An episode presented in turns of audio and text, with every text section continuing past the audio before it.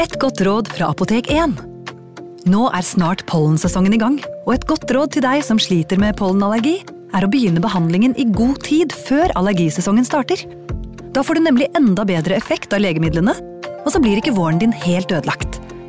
Kom innom og få råd på ditt nærmeste Apotek 1, eller chat med oss på apotek1.no. Apotek 1 vår kunnskap, din trygghet.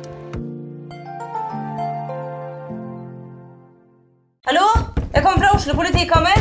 Ine Jansen er purk. Er du purk? The motherfucking bitch. Alt jeg vil, er å finne ut hva som skjedde med mannen min. Jon Carew. Er jeg sikta for noe? Iben Akeli. Det er du. Ole So, Lars Berrum og Big Daddy Karsten. Hvem sin side er du på, egentlig? Anette Hoff, Tone Danielsen, Kommer du fra Afrika? Jørnis Josef, Nesten kløfta. Trond Espen Seim, Det er synd å si det, men det var feil mann som døde. Purk. Premiere tirsdag på TV2 Play. Ungsamtalen fra DNB er økonomisk veiledning tilpasset deg som er ung. Bokk en ungsamtale på dnb.no. slash ung. Det er kjempebra hvis du skal inn på boligmarkedet, hvis det er drømmen din, liksom. Det er det du skulle sagt. Og så kunne du ropt litt mer, da, sånn som jeg gjorde. Bam! Advarsel. Denne podkasten inneholder skildringer av ekte drap og kriminalsaker som kan være støtende for enkelte. Det advares også mot sterke inntrykk i deler av episoden.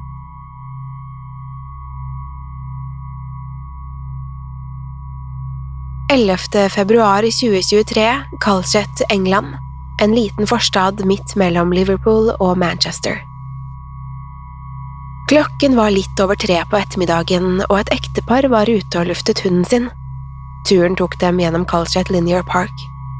Dette var vanligvis en rolig og idyllisk spasertur, men snart fikk ekteparet øye på noe grusomt.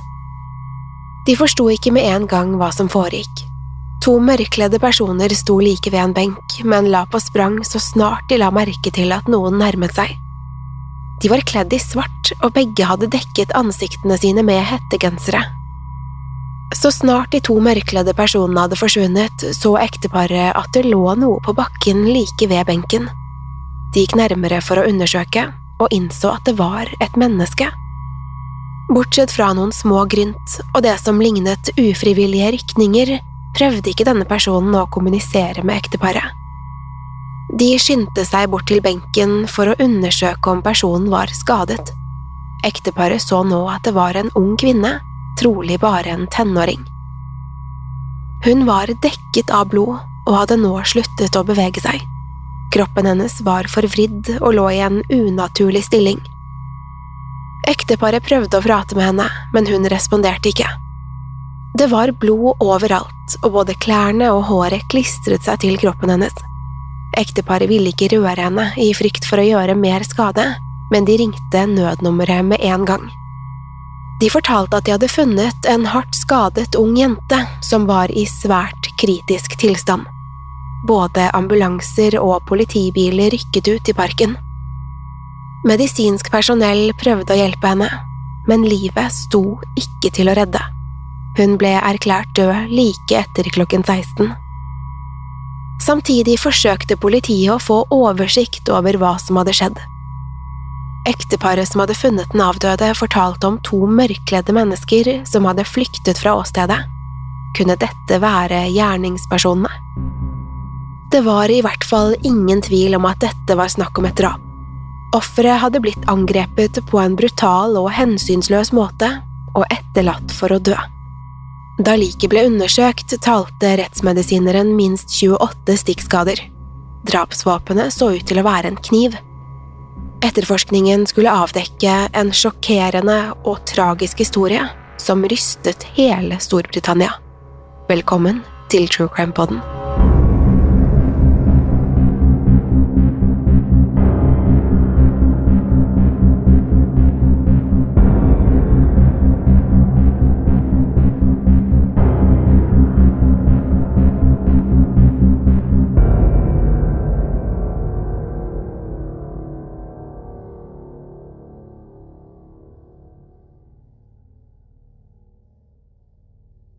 15 år gamle Scarlett Jenkinson hadde etter alt å dømme en ganske trygg og normal oppvekst. Hun hadde tre eldre brødre og foreldre som ga henne kjærlighet og omsorg. Det ble likevel snart åpenbart at alt ikke var rosenrødt. Scarlett gikk fra å være et livsglad og sprudlende barn til å vise ganske bekymringsverdig atferd. Scarlett var bare elleve år gammel da hun begynte å skade seg selv. Hun mente at dette var den eneste måten å takle angsten og den konstante uroen. Foreldrene merket at Scarlett slet med å passe inn. Hun hadde få venner, og mange reagerte på den mørke humoren hennes og spesielle interesser. Dette så ikke ut til å plage Scarlett, da hun heller ikke likte de andre elevene på skolen. Scarlett hevdet å være satanist og var besatt av skrekkfilmer og seriemordere, og hadde en spesiell fascinasjon for grusomme drap. Der andre barn trolig ville blitt skremt, uttrykte Scarlett en beundring for drapsmenn som Richard Ramirez, Jeffrey Dahmer og Harold Shipman. Etter hvert fant likevel Scarlett en likesinnet. Eddie Ratcliffe var en stille og sjenert gutt som i motsetning til Scarlett gjorde det godt på skolen. De delte en fascinasjon for groteske og makabre historier, og dette ble grunnlaget for deres vennskap. Eddie hadde også vokst opp i trygge omgivelser, men følte aldri at han passet inn.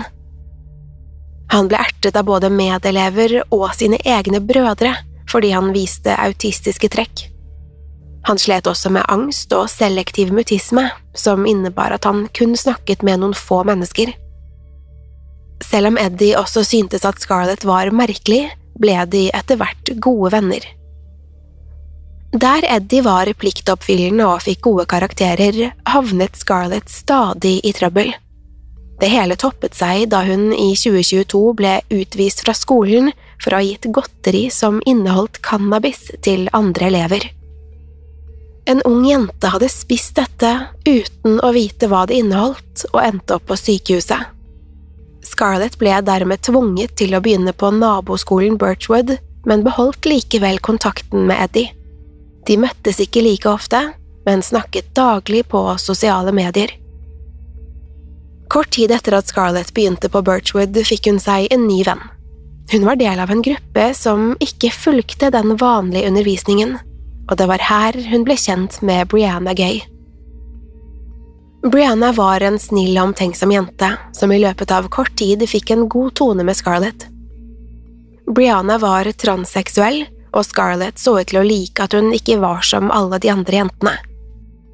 Utad virket Brianna trygg på seg selv, og med over 30 000 følgere på TikTok var hun et forbilde for mange unge som led av kjønnsinkongruens.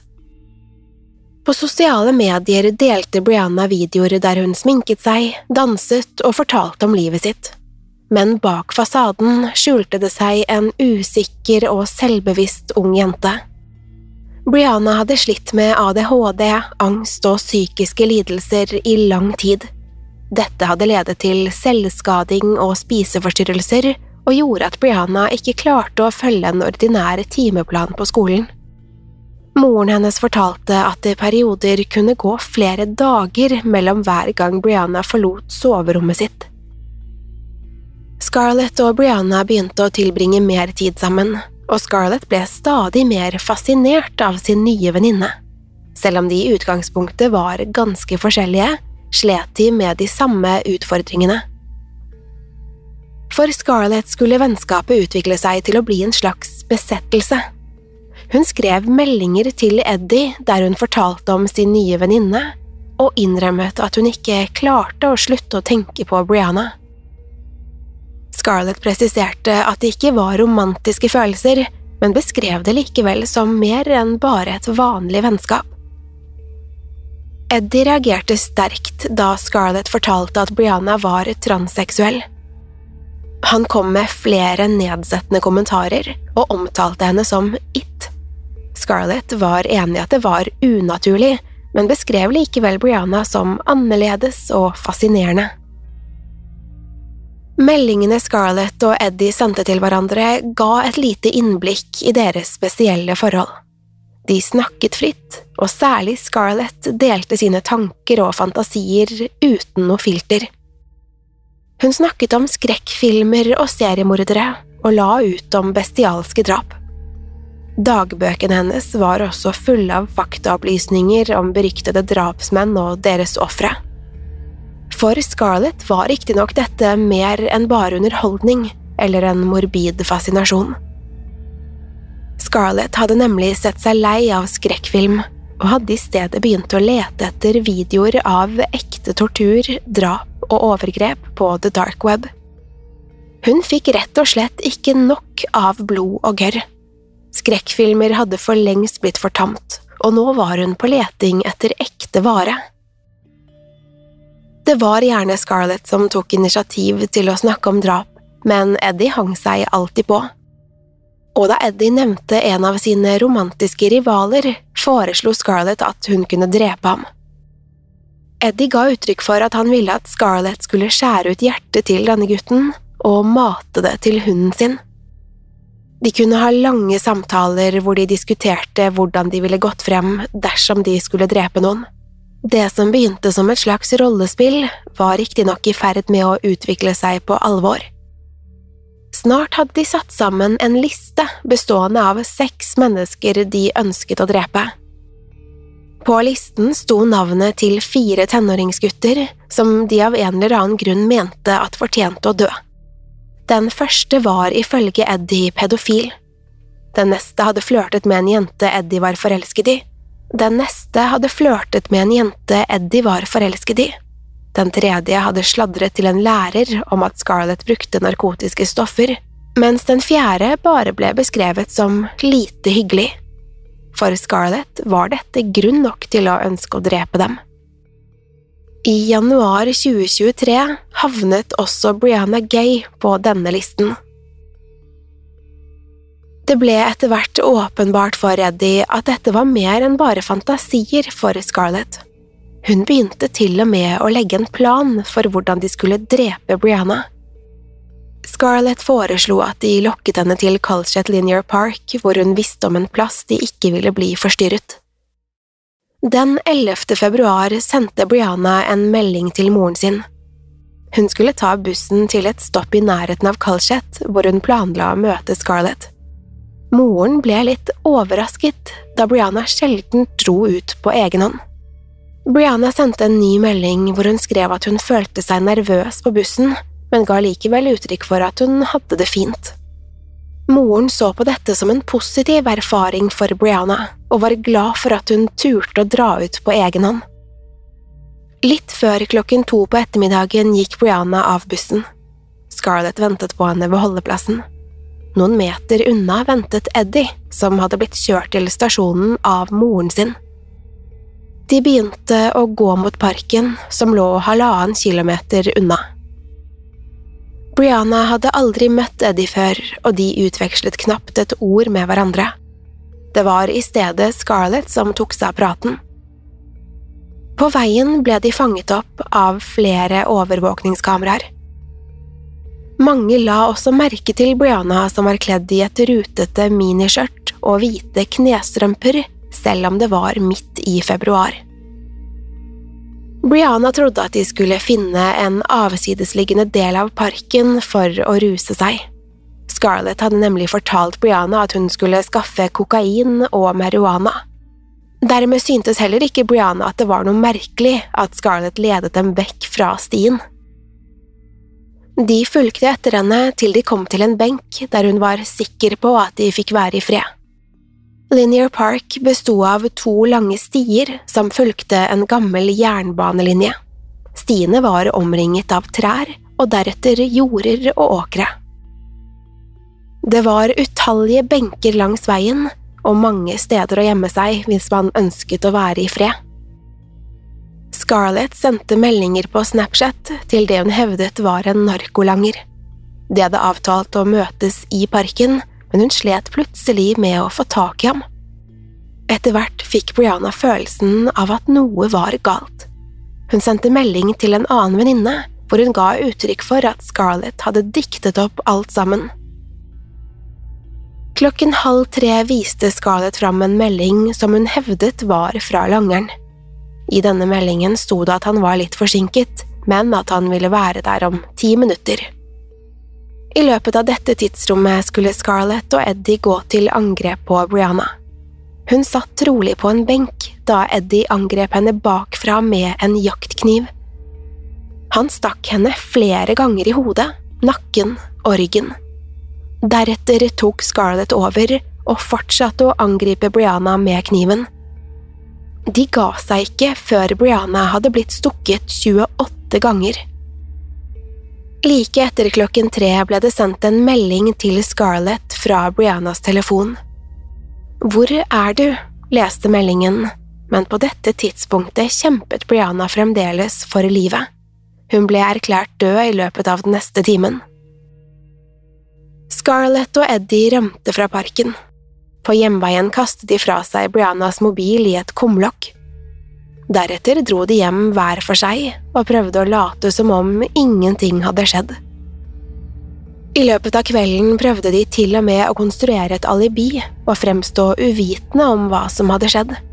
Scarlett visste at det ikke ville være noe poeng i å nekte for at de hadde vært sammen med Brianna. Hun prøvde i stedet å dikte opp en alternativ drapsmann.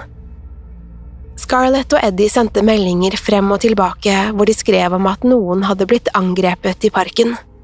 Scarlett sendte også meldinger til Brianna, hvor hun spurte om hun hadde kommet seg trygt hjem. Hun skrev da at hun hadde hørt på nyhetene at en tenåring hadde blitt knivstukket i parken. Senere delte også Scarlett en hyllest til Brianna på sosiale medier. Her skrev hun at Brianna var et av de beste menneskene jeg noen gang har møtt, og en fantastisk venn. Planen var å få det til å virke som Brianna hadde dratt videre for å møte en annen, eldre gutt i parken. Scarlett skrev til Eddie og fortalte også moren sin om en gutt fra Manchester som Brianna hadde snakket med på sosiale medier. Moren til Scarlett ble bekymret da nyheten om knivangrepet begynte å spre seg. Hun bestemte seg for å ringe politiet og fortelle om denne gutten fra Manchester. Scarlett endte også opp med å snakke med politiet. Hun hevdet da at Brianna virket opprørt mens hun sendte meldinger med denne gutten. Scarlett mente at Brianna hadde hastet av gårde, angivelig for å møte ham et sted i parken. Hun hadde aldri truffet denne gutten før, og Scarlett visste ikke engang hva han het. Scarlett instruerte Eddie om å fortelle den samme historien.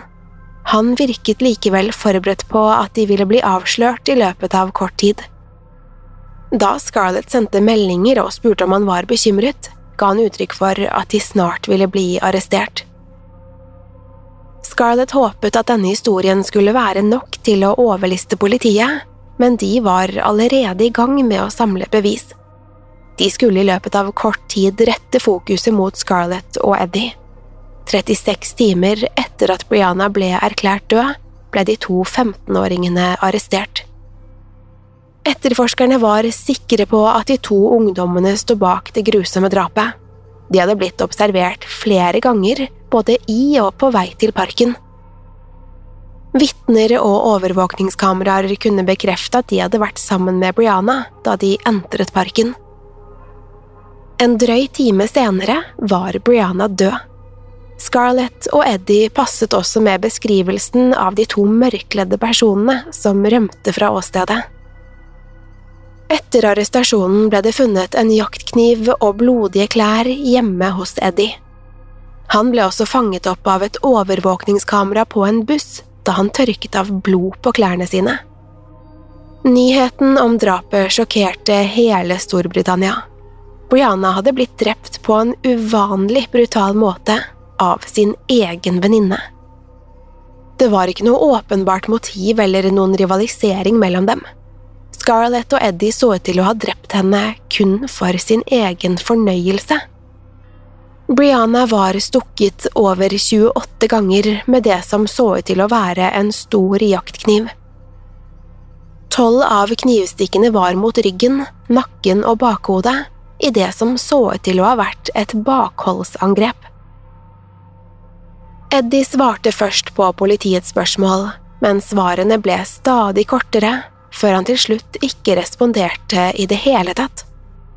Eddie var som nevnt diagnostisert med selektiv mutisme, en tilstand der man kan fremstå som stum i visse situasjoner. Etter hvert snakket han kun gjennom moren sin, som ble med inn i avhørsrommet. Etter hvert skulle Eddie innrømme at han hadde vært i parken med Scarlett og Brianna. Han fortalte at Scarlett hadde ønsket å drepe Brianna, og mente det var hun som hadde utført drapet. Eddie fortalte at han gikk for å tisse inne i skogen, og at Scarlett da hadde angrepet Brianna. Han nektet for å ha tatt del i selve angrepet, og mente at han hadde fått blod på hendene og klærne da han sjekket om Brianna fremdeles var i live. Da de fikk øye på noen langs stien, fikk Eddie panikk og la på sprang. I løpet av avhøret forsto Eddie at politiet hadde langt mer bevis mot dem enn de hadde forutsett, og han ble samtidig mer forsiktig med hva han valgte å dele. Til slutt svarte han bare ingen kommentar på spørsmålene deres. Politiet kunne bekrefte at begge hadde vært i parken sammen med Brianna, men fikk også tilgang på hundrevis av meldinger sendt mellom Eddie og Scarlett. Disse avslørte at Scarlett trolig var hjernen bak det hele, men etterforskerne var overbevist om at begge hadde tatt del i selve drapet. Eddie hadde vært med på planleggingen, og skrev også om at han fantaserte om å drepe men hver gang Scarlett foreslo et tidspunkt, prøvde Eddie å komme med flere unnskyldninger. Meldingene avslørte også at dette ikke var første gangen Scarlett hadde prøvd å drepe noen. Noen uker tidligere hadde hun nemlig sendt meldinger til en gutt via Snapchat og forsøkte å lokke ham til parken. Etter hvert begynte riktignok gutten å føle at det var noe merkelig med situasjonen, og han endte opp med å blokkere Scarlett. Scarlett hadde da begynt å fokusere på Brianna. Trolig var dette fordi hun ble sett på som et lett bytte. Hun ville sannsynligvis gjøre mindre motstand under selve drapet, men også fordi hun stolte på Scarlett. Dermed ville det også være lettere å lure henne med seg inn i parken. For Scarlett virket det ganske vilkårlig hvem de faktisk drepte, men hun uttrykte likevel at hun gledet seg til å drepe Brianna. Hun skrev også flere ganger at hun ønsket å beholde en liten del av henne, og ønsket å skjære ut Briannas øyne som en slags suvenir. Eddie uttrykte forakt mot Brianna fordi hun var transseksuell, og han skrev blant annet at han ville se om hun skrek som en mann eller som en jente. Trolig var dette et forsøk på å umenneskeliggjøre Brianna, som også ville gjøre det lettere å utføre drapet. I tillegg til alle meldingene fant politiet en håndskrevet plan ført i pennen av Scarlett. Her dokumenterte hun alt de skulle gjøre, og det fremsto nesten som en skriftlig tilståelse. Lørdag 11. februar 2023 Offer, kolon, Brianna Gay Planen, kolon Møte Eddie klokken 13 Gå sammen til biblioteket vente til Brianna går av bussen, så går alle tre sammen til parken.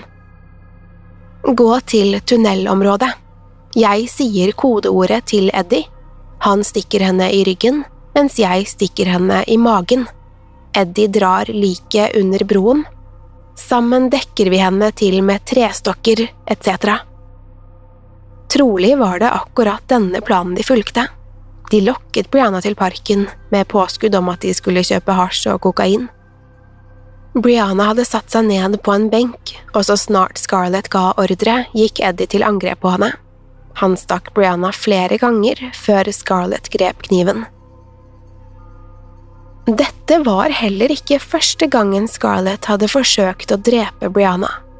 Det kom nemlig frem at Scarlett noen uker før drapet hadde forsøkt å forgifte henne med reseptbelagte piller. Brianna ble akutt syk, og moren hennes fryktet at hun hadde blindtarmbetennelse. Da denne planen mislyktes, bestemte Scarlett seg for å rekruttere Eddie. Scarlett innså raskt at etterforskerne ikke kjøpte dekkhistorien om gutten fra Manchester. Hun endret da strategi og hevdet at det var Eddie som hadde utført selve drapet, men innrømmet at hun hadde vært med på planleggingen. Meldingene de hadde sendt til hverandre, gjorde det umulig å nekte for at hun visste hva som skulle skje. To uker før drapet hadde Scarlett gjort et forsøk på å lokke Brianna til parken. Denne gangen hadde Brianna sendt en melding og sagt hun var nødt til å bli med på en familiemiddag. Scarlett og Eddie hadde likevel dratt i parken og begynte å legge mer detaljerte planer for drapet. Scarlett var åpenbart pådriveren og sendte flere meldinger til Eddie hver eneste dag og spurte når de skulle slå til. Eddie var ofte avvisende og ga uttrykk for at han ikke kunne drepe Brianna på en ukedag. Scarlett ga seg likevel ikke, og da de ble enige om en dato, skrev hun flere ganger hvor mye hun gledet seg. Hun ville se Brianna skrike i smerte og se frykten i øynene hennes. Da Scarlett sendte en melding til Eddie to dager før drapet, skrev han tilbake at han hadde glemt at de skulle drepe Brianna. Det ble samtidig åpenbart at han ikke delte hennes entusiasme.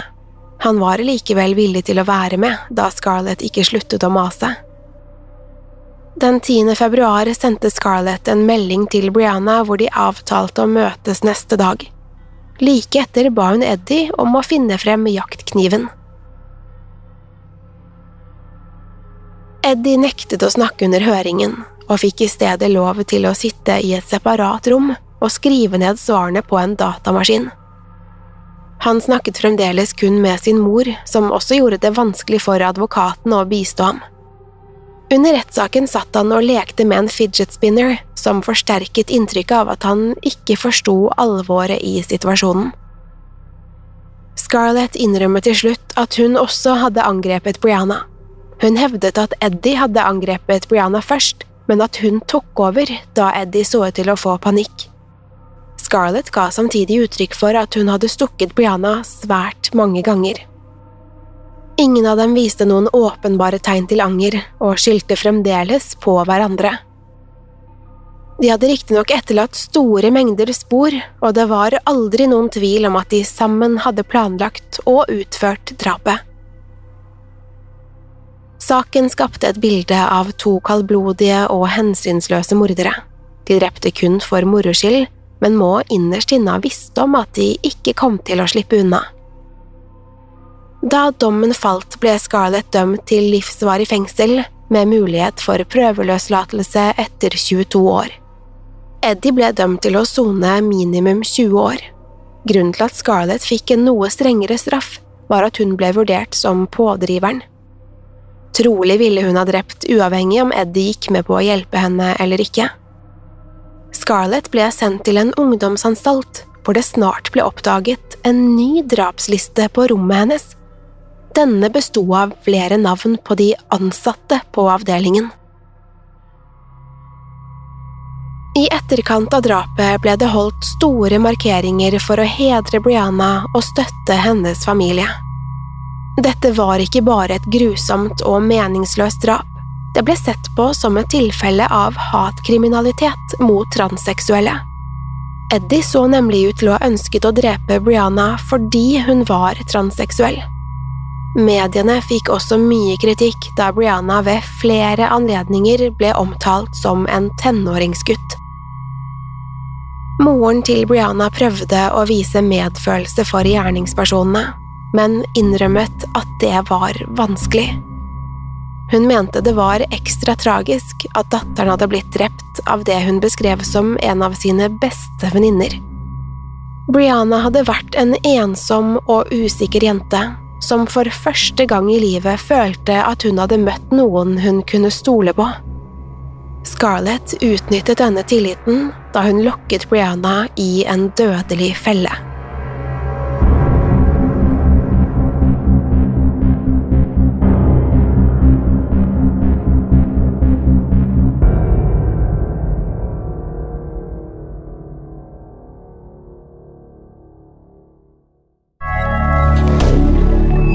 Media.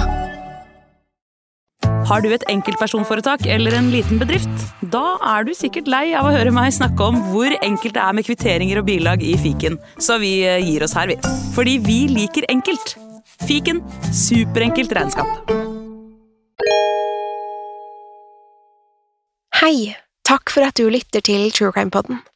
Skulle du ønske at du kunne høre en ny episode av denne podkasten hver eneste uke? Vel, da er det bare å laste ned podkastappen Untold med en gang. I tillegg til ukentlige episoder av podkaster som Skrekkpodden, Synderne og Henrettelsespodden, får du masse annet reklamefritt og eksklusivt innhold. Last ned Untold i AppStore eller Google Play, og start din 30 dagers prøveperiode i dag. Untold.